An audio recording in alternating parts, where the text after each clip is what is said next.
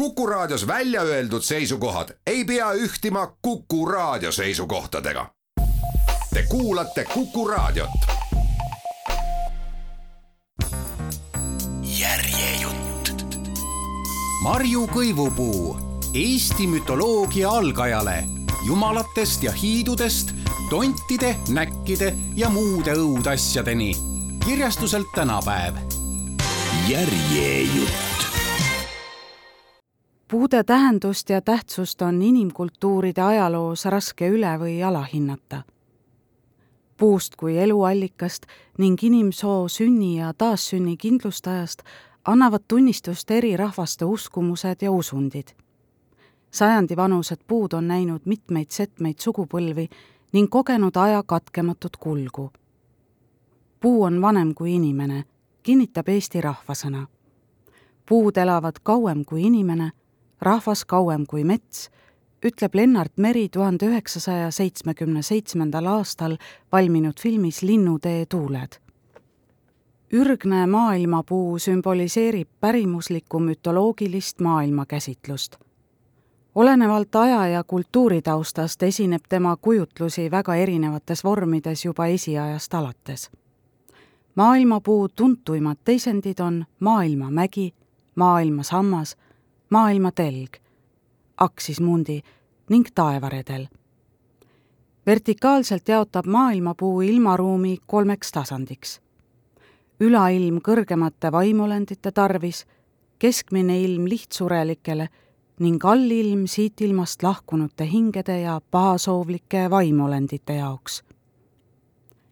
horisontaalselt jaotab iga ilmapuu, maailmatelg või naba, kogu ilmaruumi neljaks ilmakaareks selline maailmakäsitlus on meile tuttav esmajoones šamanistlikust kultuuriruumist.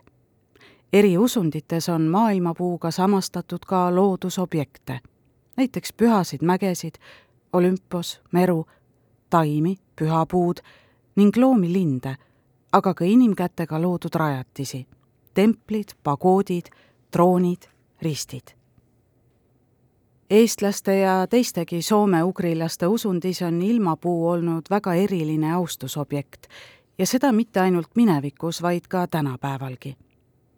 kui ühe põlise puu latv ulatub nii kõrgele taevasse nagu halliku künnapuul ja kui selle juurte alt voolab välja veerohke allikas suunaga päikesetõusule vastu, siis see puu on ilmapuu ja allikas püha.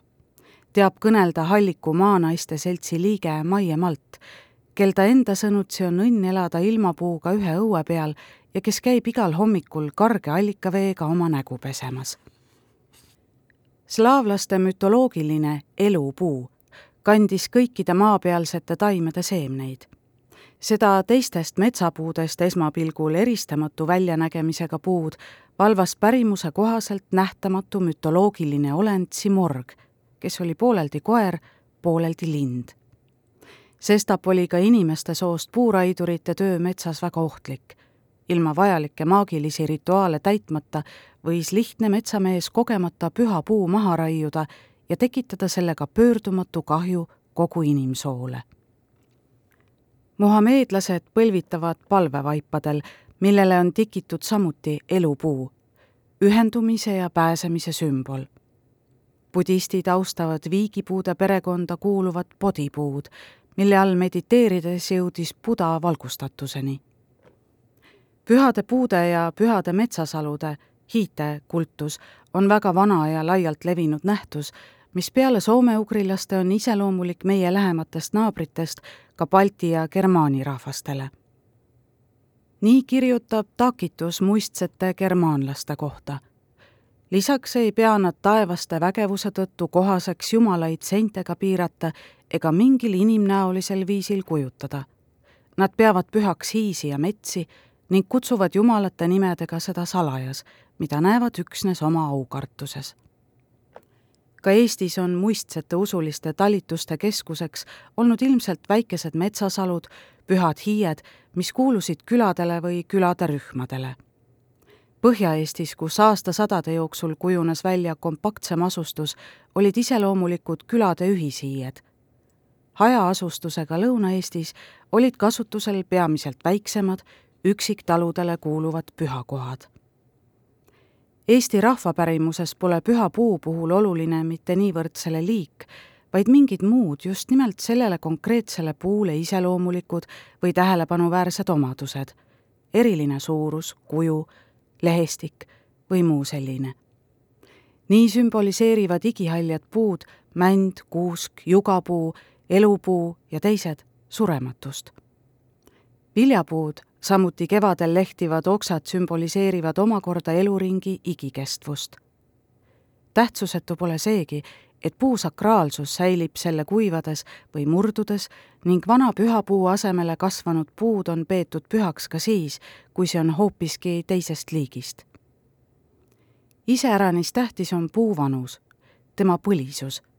mida vanem puu, seda austusväärsem ja püham ta on põlis- ja pühapuid olemegi oma rahvausus ja folklooris kujutlenud hingeliste olenditena, kellele saab vajaduse korral muret kurta, kellega rääkida kellega tunda füüsilist lähedust. usutakse, et puu embamine või selja toetamine puu vastu annab positiivset energiat. nii tarbe kui viljapuude käekäigu järgi oleme ennustanud inimese saatust ja suguvõsa käekäiku sest tarbe või viljapuud istutati ju sageli ka mõne tähtsa perekondliku sündmuse puhul, uue maja valmis saamine, naisevõtt, lapse sünd Nõukogude ajal püüti juurutada ka tavanditeenistuste vahendusel ka sellist kommet, et inimese siit ilmast lahkudes istutatakse puu, kuid see komme rahva hulgas populaarsust ei saavutanud. siinkohal meenub üks välitöödel kuuldud lugu Urvaste kihelkonnast üheksakümnendate algusest. taluväravas kasvas pooleldi kuivanud pihlakas. pere oli küüditatud Siberisse ning peretütar sealt tuhande üheksasaja viiekümnendate lõpus isatallu naasnud pihlakas oli peret siiski kõige kurja eest kaitsnud, arvas perenaine, sest paljud jätsid oma elu ja tervise Siberisse, kuid nende perest enamik mitte. ja puu olnud kuivanud just sealtpoolt, kuhu jäänud see talu, kus elasid arvatavad pealekaebajad. muistendeid, mille keskseks tegelaseks on Hiiu mõõtu suur tõll, ka töll, on kogutud ja kirja pandud peamiselt Saaremaa lääneosast, kuid neid on tuntud ja räägitud ka Muhus ja Hiiumaal. nii nagu Hiiu muistenditele kohane, on ka Tõllu või Tõlli, erinevates kihelkondades on seda nime erinevalt käänatud, lood seotud maapinnavormide ja looduslike objektide tekkimise seletamisega mütoloogilisest lähtekohast ammustel aegadel olla maastikul tegutsenud üle elu suurune inimene, kelle tegelikust suurusest antakse muistendi pärimuses aimu suhte fantaasiate kaudu. suur tõll kahlab meres, püüab sõrve poolsaart merre lükata, viskab kive ja teeb seda sageli vanapaganaga võidu. harvem püüab tõll sihtida mõnda kirikut, et seda purustada Saaremaa tornikiivrite kirikud ollagi sellised just seetõttu, et tõll saanud kiviga kiriku tornikiivrile pihta. tõll kannab põlles suuri kive, et sulgeda mõne kiriku või mõisa uks. kuid kavatsetu jääb teoks tegemata. tõllu põllepaelad katkevad, sest kusagil kireb kukk. sellised rahvajuttude motiivid võimaldavad tõllus näha eelkristlikust ajast pärit paganlikku loodushiidu, kellele uued ajad ja kristlik elukorraldus ei ole just eriti meeltmööda. Suurt tõllu kui muistset vägimeest ja loodushiidu mainitakse kirjasõnas seni teadaolevalt esimest korda tuhande kaheksasaja seitsmekümne teisel aastal August Wilhelm Huppeli topograafische Nachrichteni kolmandas osas tõllumuistendite kakskümmend aastat väldanud kogumistöö tulemuse kirjutab raamatuks väikene vana varanduse vakk ehk Saaremaa vägimees Suur Tõll tuhande kaheksasaja kaheksakümne kolmandal aastal Peeter Süda. Juba enne selle raamatu ilmumist kutsus rahvaluuleteadlane Mattias Johann Eisen saarlasi tõllumuistendeid koguma. oma raamatus Eesti muistsed jumalad ja vägimehed pühendas Eisen tõllule terve peatüki ning tuhande üheksasaja kahekümne seitsmendal aastal ilmus temalt ka raamatukene Tõll ja ta sugu. selles otsib Eisen vastust ka küsimusele, kas Tõll oli mütoloogiline või hoopiski ajalooline isik ning jõuab järeldusele, et tõll on siiski mütoloogiline isik, keda muistendi pärimus seostab ka saarlaste muistse vabadusvõitlusega. ka hilisematel aegadel on püütud tõllus leida kunagi elanud inimeste prototüüpi. nimelt on ajaloolane, kodu-uurija ja kirjanik Voldemar Miller püüdnud tõestada, et tõllust põlvneb Saaremaa aadlisuguvõsa von Toll sedalaadi mütoloogilisse ajalukku tasub suhtuda siiski teatava ettevaatusega. Tõsi, folkloorne aines on parasjagu plastiline ning võimaldab soovi korral tõlgendusi ja interpretatsioone seinast seina. küll aga on Milleri hüpotees osutunud ootuspäraselt populaarseks ning seda kasutatakse ära turisminduses ning kohaloomes mütoloogilise ajaloo üks levinud suundi on sugulussidemete otsimine või loomine baltisakslastega, kuid mitte ainult. Otsitakse ja püütakse leida pudemeid suulisest ning materiaalsest kultuurist, et oma maalugu suuremaks kirjutada.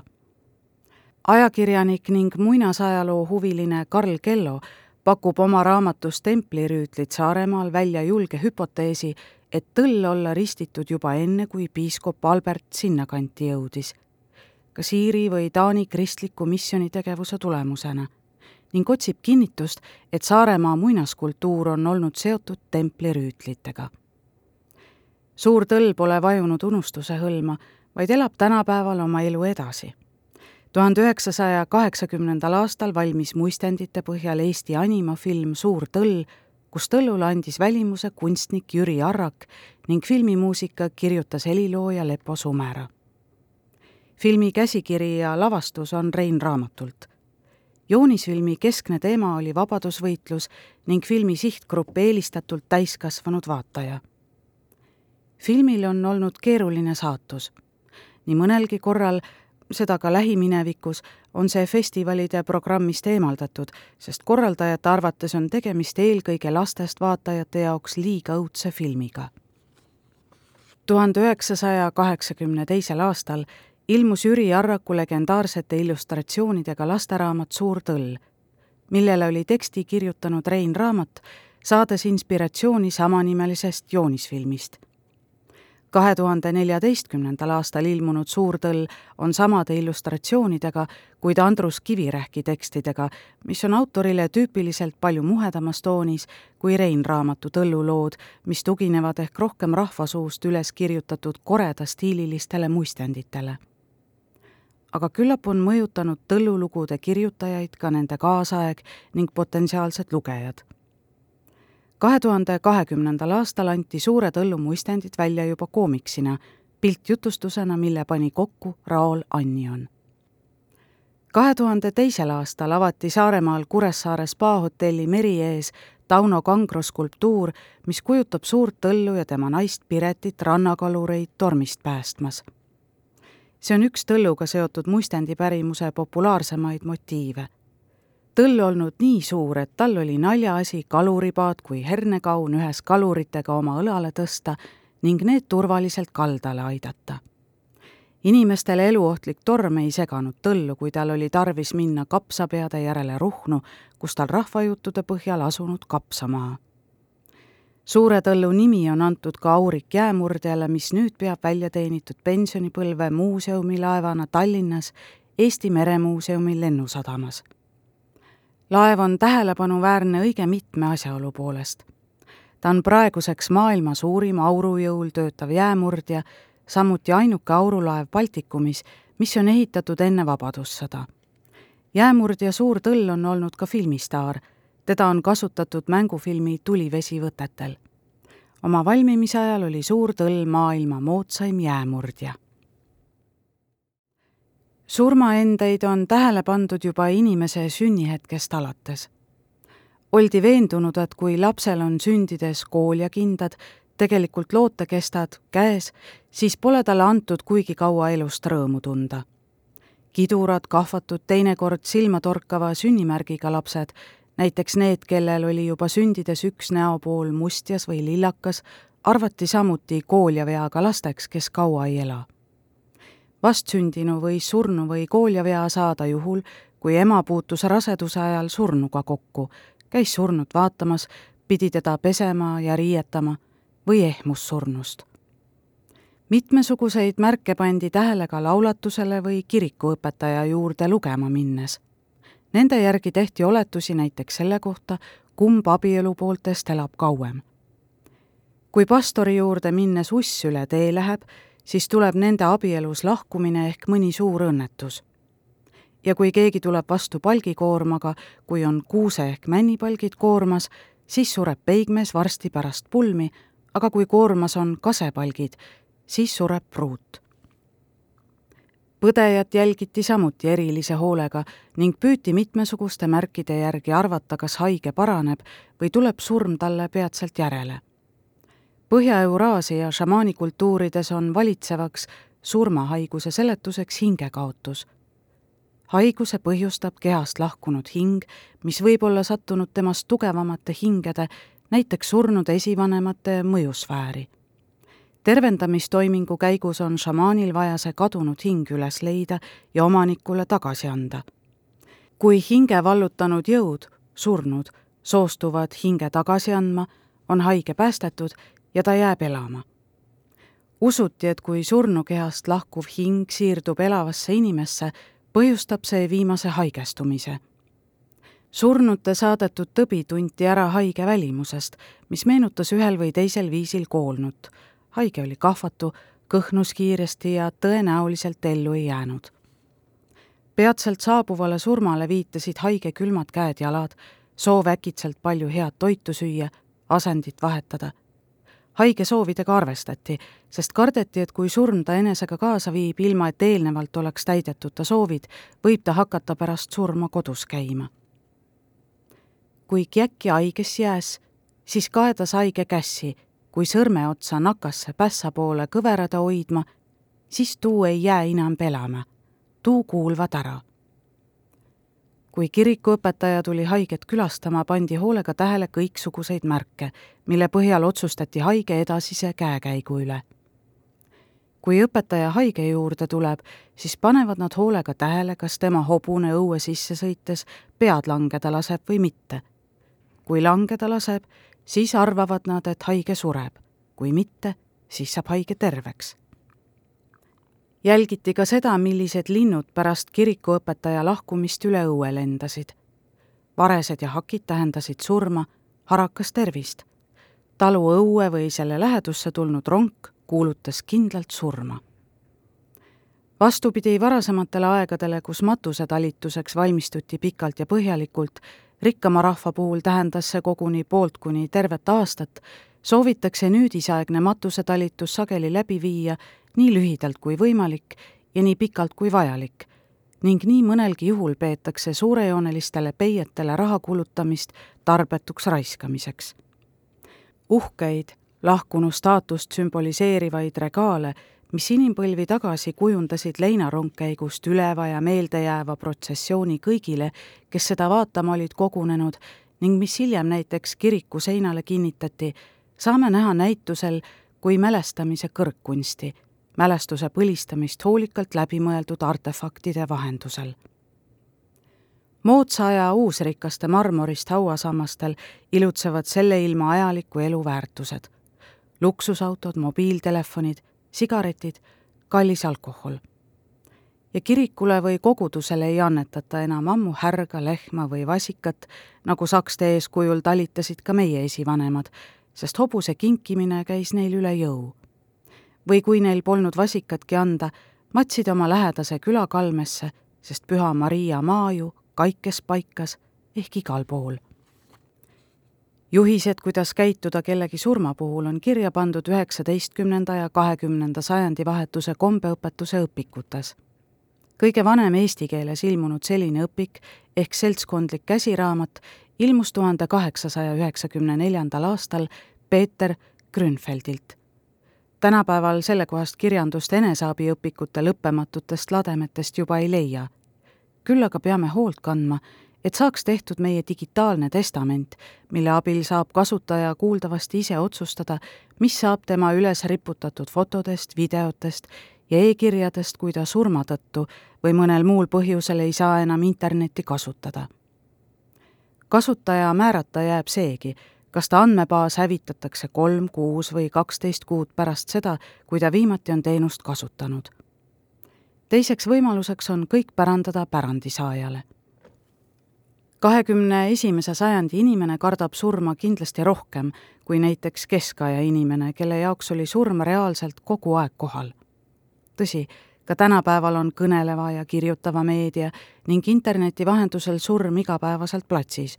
arvutimängud, tabloidajakirjanduse surm kui õnnetus, tragöödia, kõmu-uudis ja nii edasi. kuid see on virtuaalne surm. inimeste vahetud reaalsed isiklikud kontaktid surmaga on jäänud tagaplaanile.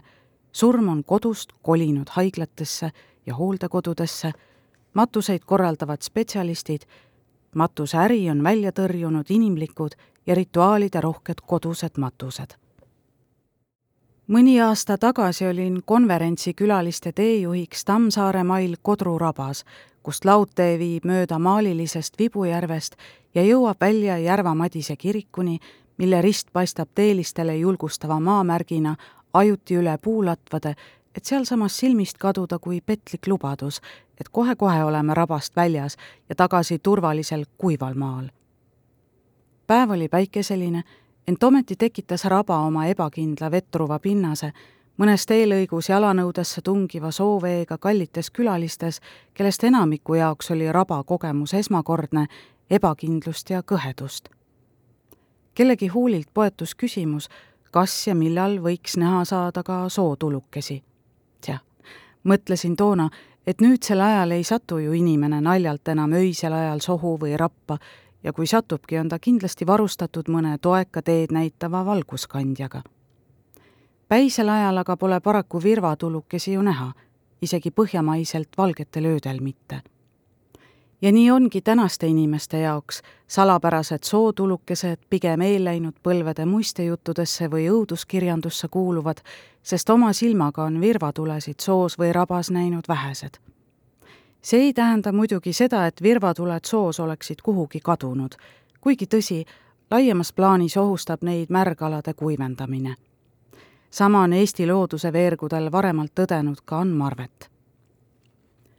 Rahvapärimuses on öist teekäijad peibutavatel soo- või virvatulukestel erinevaid seletusi tähendusi on usutud, et virvatuled on surnud või hukkunud inimeste hinged, kes ei saa rahu ning eksitavad elavaid hingi laugaste veeres, kuhu nad ise kunagi jätsid oma ajalikku elu. Neis lugudes võib märgata teatavaid paralleele näkimuistenditega.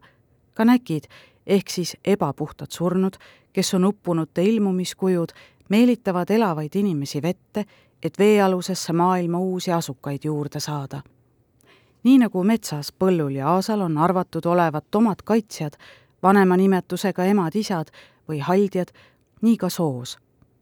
salapäraseid petlikke sootulukesi on rahvausundis peetud ka elavate inimeste suhtes mitte eriti sõbralike soovaimude tegutsemise ilmumiskujudeks, märkideks, et soovaimud on tõepoolest olemas. Soos olla vaim või mis ta nimi olla, ütleb vanarahvas ei tea, kas ta elab soolaukas või kus. igatahes on ta paha vaim. sügisel paneb ta õhtuti või öösiti vahel sohu tuled põlema. ei tea, kas peab ta siis seal mingisugust pidu. lapsepõlves nägin korra niisuguseid tulesid soos. jooksin vaatama ega ütelnud emale sõnagi sellest. jõudsin sinna, kus tule olin näinud, aga tuli kadunud.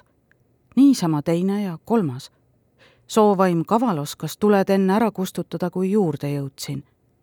kui pärast ema kuulis, et tulesid vaatamas käidud, pragas ta kangesti, ütles, ei tohi neid tulesid minna vaatama, vaim saab pahaseks, tõmbab selle, kes tuleb vaatama soolaukasse, uputab ära. no eks vana Jaak olnud korra soos uppumas tulnud korra sügisel üle soo tuntud teed otsekohe koju ei üksi, vaid ühes teise mehega. olnud pime öö, ei nähtud midagi. teine mees jäänud teel natuke Jaagust maha, Jaak läinud üksi teerada mööda edasi. pimedas kaldunud aga teerajalt vähe kõrvale. äkisti tundnud Jaak, keegi haaranud tal nagu jalast kinni ja tõmmanud. samal silmapilgul märganud Jaak, ta jalgupidi sügaval vees hädas saanud käega ümber kobades maha raiutud puust kinni sasida ise kangesti appi hüüdma. seltsimees jõudnud varsti järele, toonud ta veest välja.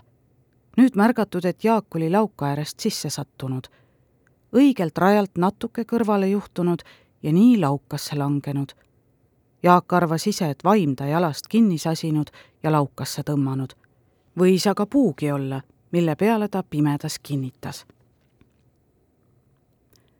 rahvusvaheliselt tuntud muistendi motiivide kohaselt võivad sootulukesed juhatada inimest peidetud varanduste jälile. muistejuttude arvatavate rahatulukeste hukutav leek võib väreleda nii soos rabas kui ka maismaal, kuid soos rabas varanduse jahtimine võib nõuda sageli hingehinda selle kõige otsesemas tähenduses. kas ja kui palju on sootulukeste nägemine seotud sellega, kas ja kui palju on hilisõhtune või öine teekäija eelnevalt kangemat kraami pruukinud, on omaette uurimisteema, kuid oma tõetera on selles kindlasti peidus, mida võin kinnitada oma välitööde ja uurimiskogemuse põhjal. heal lapsel mitu nime.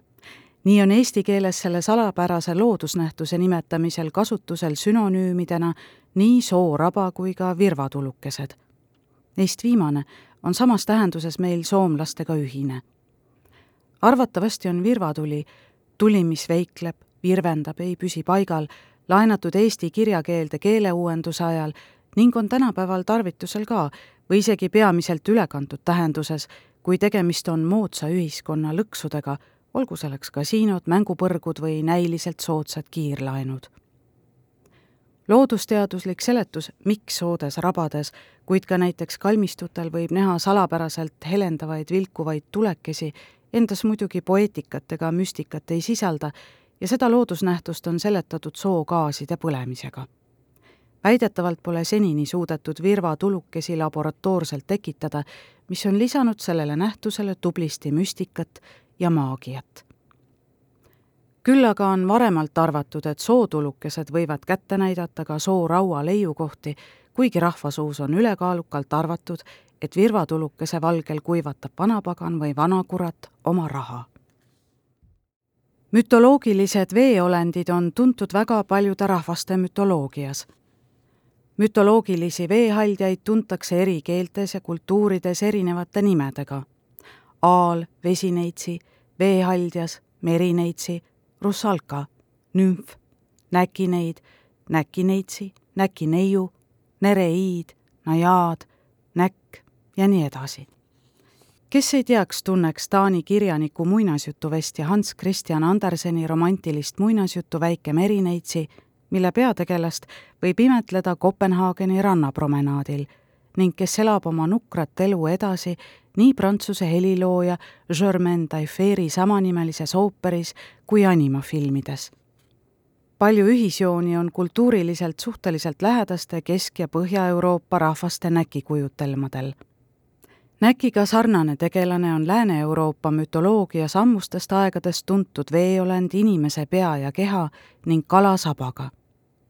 Rootsi rahva pärimuses on näkk kalast inimesena esinev üleloomulik olend, kes mängib viiulit. Neile, kes on lugenud Astrid Lindgreni Pullerbi lapsi, meenub kindlasti ka see lugu, kus poisid püüdsid tüdrukuid haneks ja etendasid ise oja kaldal näkki Eestikeelne mütoloogilise veehaldja nimetus näkk on germaani laen. ka rootsi näkken, saksa nikse, mis omakorda pärineb ühe oletuse kohaselt Indoeuroopa tüvest ja tähendas pesemist, teise oletuse kohaselt aga sõnast, mis tähendas surnut. on usutud, et kõik näkki uputatud inimesed saavad näkkideks, samuti need, kes endale ise veesurma valivad. Hiiumaal asuv Hiiu madal tuntud ka kui Suurrahu, on laiaulatuslik madal Hiiumaast loodes, mida tunti rannarootsi keele ja kultuuri vahendusel ka kui näkimadalaid. Saksa keeles Neckmannsgrund. kirjanik Hermann Sergo tõlkis selle oma rannarootsi ainelises etnograafilise ajalooliste sugemetega triloogias Näkimadalateks, misjärel see tõlkelaenuline nimi on eesti keeles omakeelse Hiiu madala ja Suurrahu kõrval kiiresti rööpkäibesse läinud Neckmannsgrundi on rahvapäraselt nimetatud ka näkmaniks. Eesti rahvausundis ja mütoloogias on näkid enamasti naissoost, kuigi nad võisid moondada end ka erinevateks esemeteks või loomadeks. ning inimeste suhtes pigem pahatahtlikud mütoloogilised olendid, kes elavad looduslikes või tehisveekogudes, meredes, jõgedes, järvedes, isegi allikates ojades ning kaevudes, tiikides.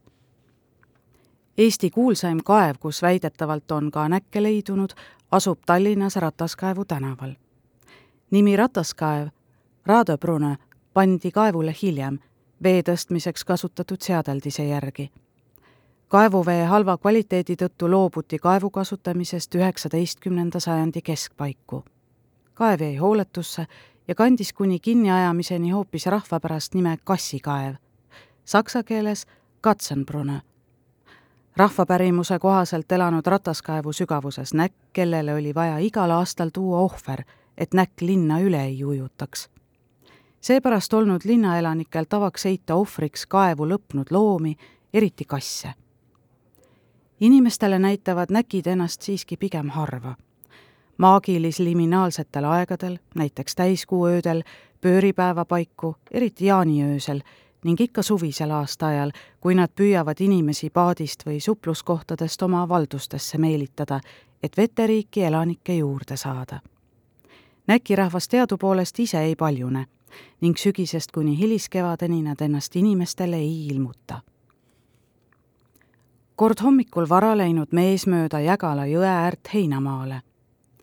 jões kivi otsas istunud valges riides näkk. meest silmates tulnud näkk lähemale mees hakanud karjuma, näkk tulnud aga lähemale ja näkk viinud selle mehe jõkke. iga kord, kui keegi säält mööda läks, olnud sääl kuulda hääli. alles aasta pärast visatud mehe laip jõest alla. sellest on ka see kivi nime saanud Näkikivi. mõnikord juhtub, et noormees armub näkisoost naisesse ning kosib ta endale. kuid sellest abielust üldjuhul head nahka ei tule sest näkki hakkab mõne aja pärast vaevama koduigatsus ja ta läheb omade juurde tagasi. üldjuhul on see seotud ka mälu ja mäletamise motiiviga. ühest maailmast või keskkonnast pärit mütoloogiline olend kaotab teises elukeskkonnas mälu, ta unustab oma päritolu. kui see talle mingil põhjusel meelde tuleb või meelde tuletatakse, on ta läinud. näki neid naiseks. elanud ühes järves hulk näkke korra tulnud üks näkineiu kaldale, mänginud seal ja jäänud siis magama. üks noor mees näinud magavat neidu, neiu ilus, hakanud poisile miildima, poiss neidu omale naiseks paluma. no eks neiu olnudki nõus. poiss teadnud küll, et neiu on näkk. ei tii sellest aga midagi välja. näkineid ja poiss elanud aastat kaks õnnelikult. Läinud siis järvele kalu püüdma. Põle esite saanud midagi siis neiu õpetama. sõua sinna tahapoole, seal on. poiss sõuabki. kohale jõudes neiu seletama. siin mu isa õue, siin palju kalu. siis küsin neiu poisilt uuesti. ütle, kes ma olen. poiss ei taha öelda, neiu käib aga peale. poiss annab viimaks järgi ja sõnab. näkk sa oled, kas sa ei tea? vaevalt aga poisil viimased sõnad öeldud kui vesi käib üle pea kokku ja neiu kadunud. küll kahjatsend poiss, aga parata pole midagi. poiss käinud iga päev järvel, viimaks pole enam tagasi tulnud. Slaavi rahvaste usundis said näkineidudeks, russalkadeks uppunud naised ja tütarlapsed harvem muud ebaloomulikku surma surnud. russalkade iseloomulikuks väliseks tunnuseks olid pikad lahtised juuksed maapealsed ajalikud naised ja tüdrukud pidid kombe kohaselt ja vastavalt oma staatusele kas juukseid katma või palmitsema. Tallinnas Kadriorus asub tuhande üheksasaja teisel aastal avatud ja skulptor Amandus Adamsoni loodud mälestussammas Russalka, mis on pühendatud samanimelise soomuslaeva hukkumisele Soome lahes. järjejutt. Marju Kõivupuu Eesti mütoloogia algajale jumalatest ja hiidudest, tontide, näkkide ja muude õudasjadeni. kirjastuselt tänapäev. järjejutt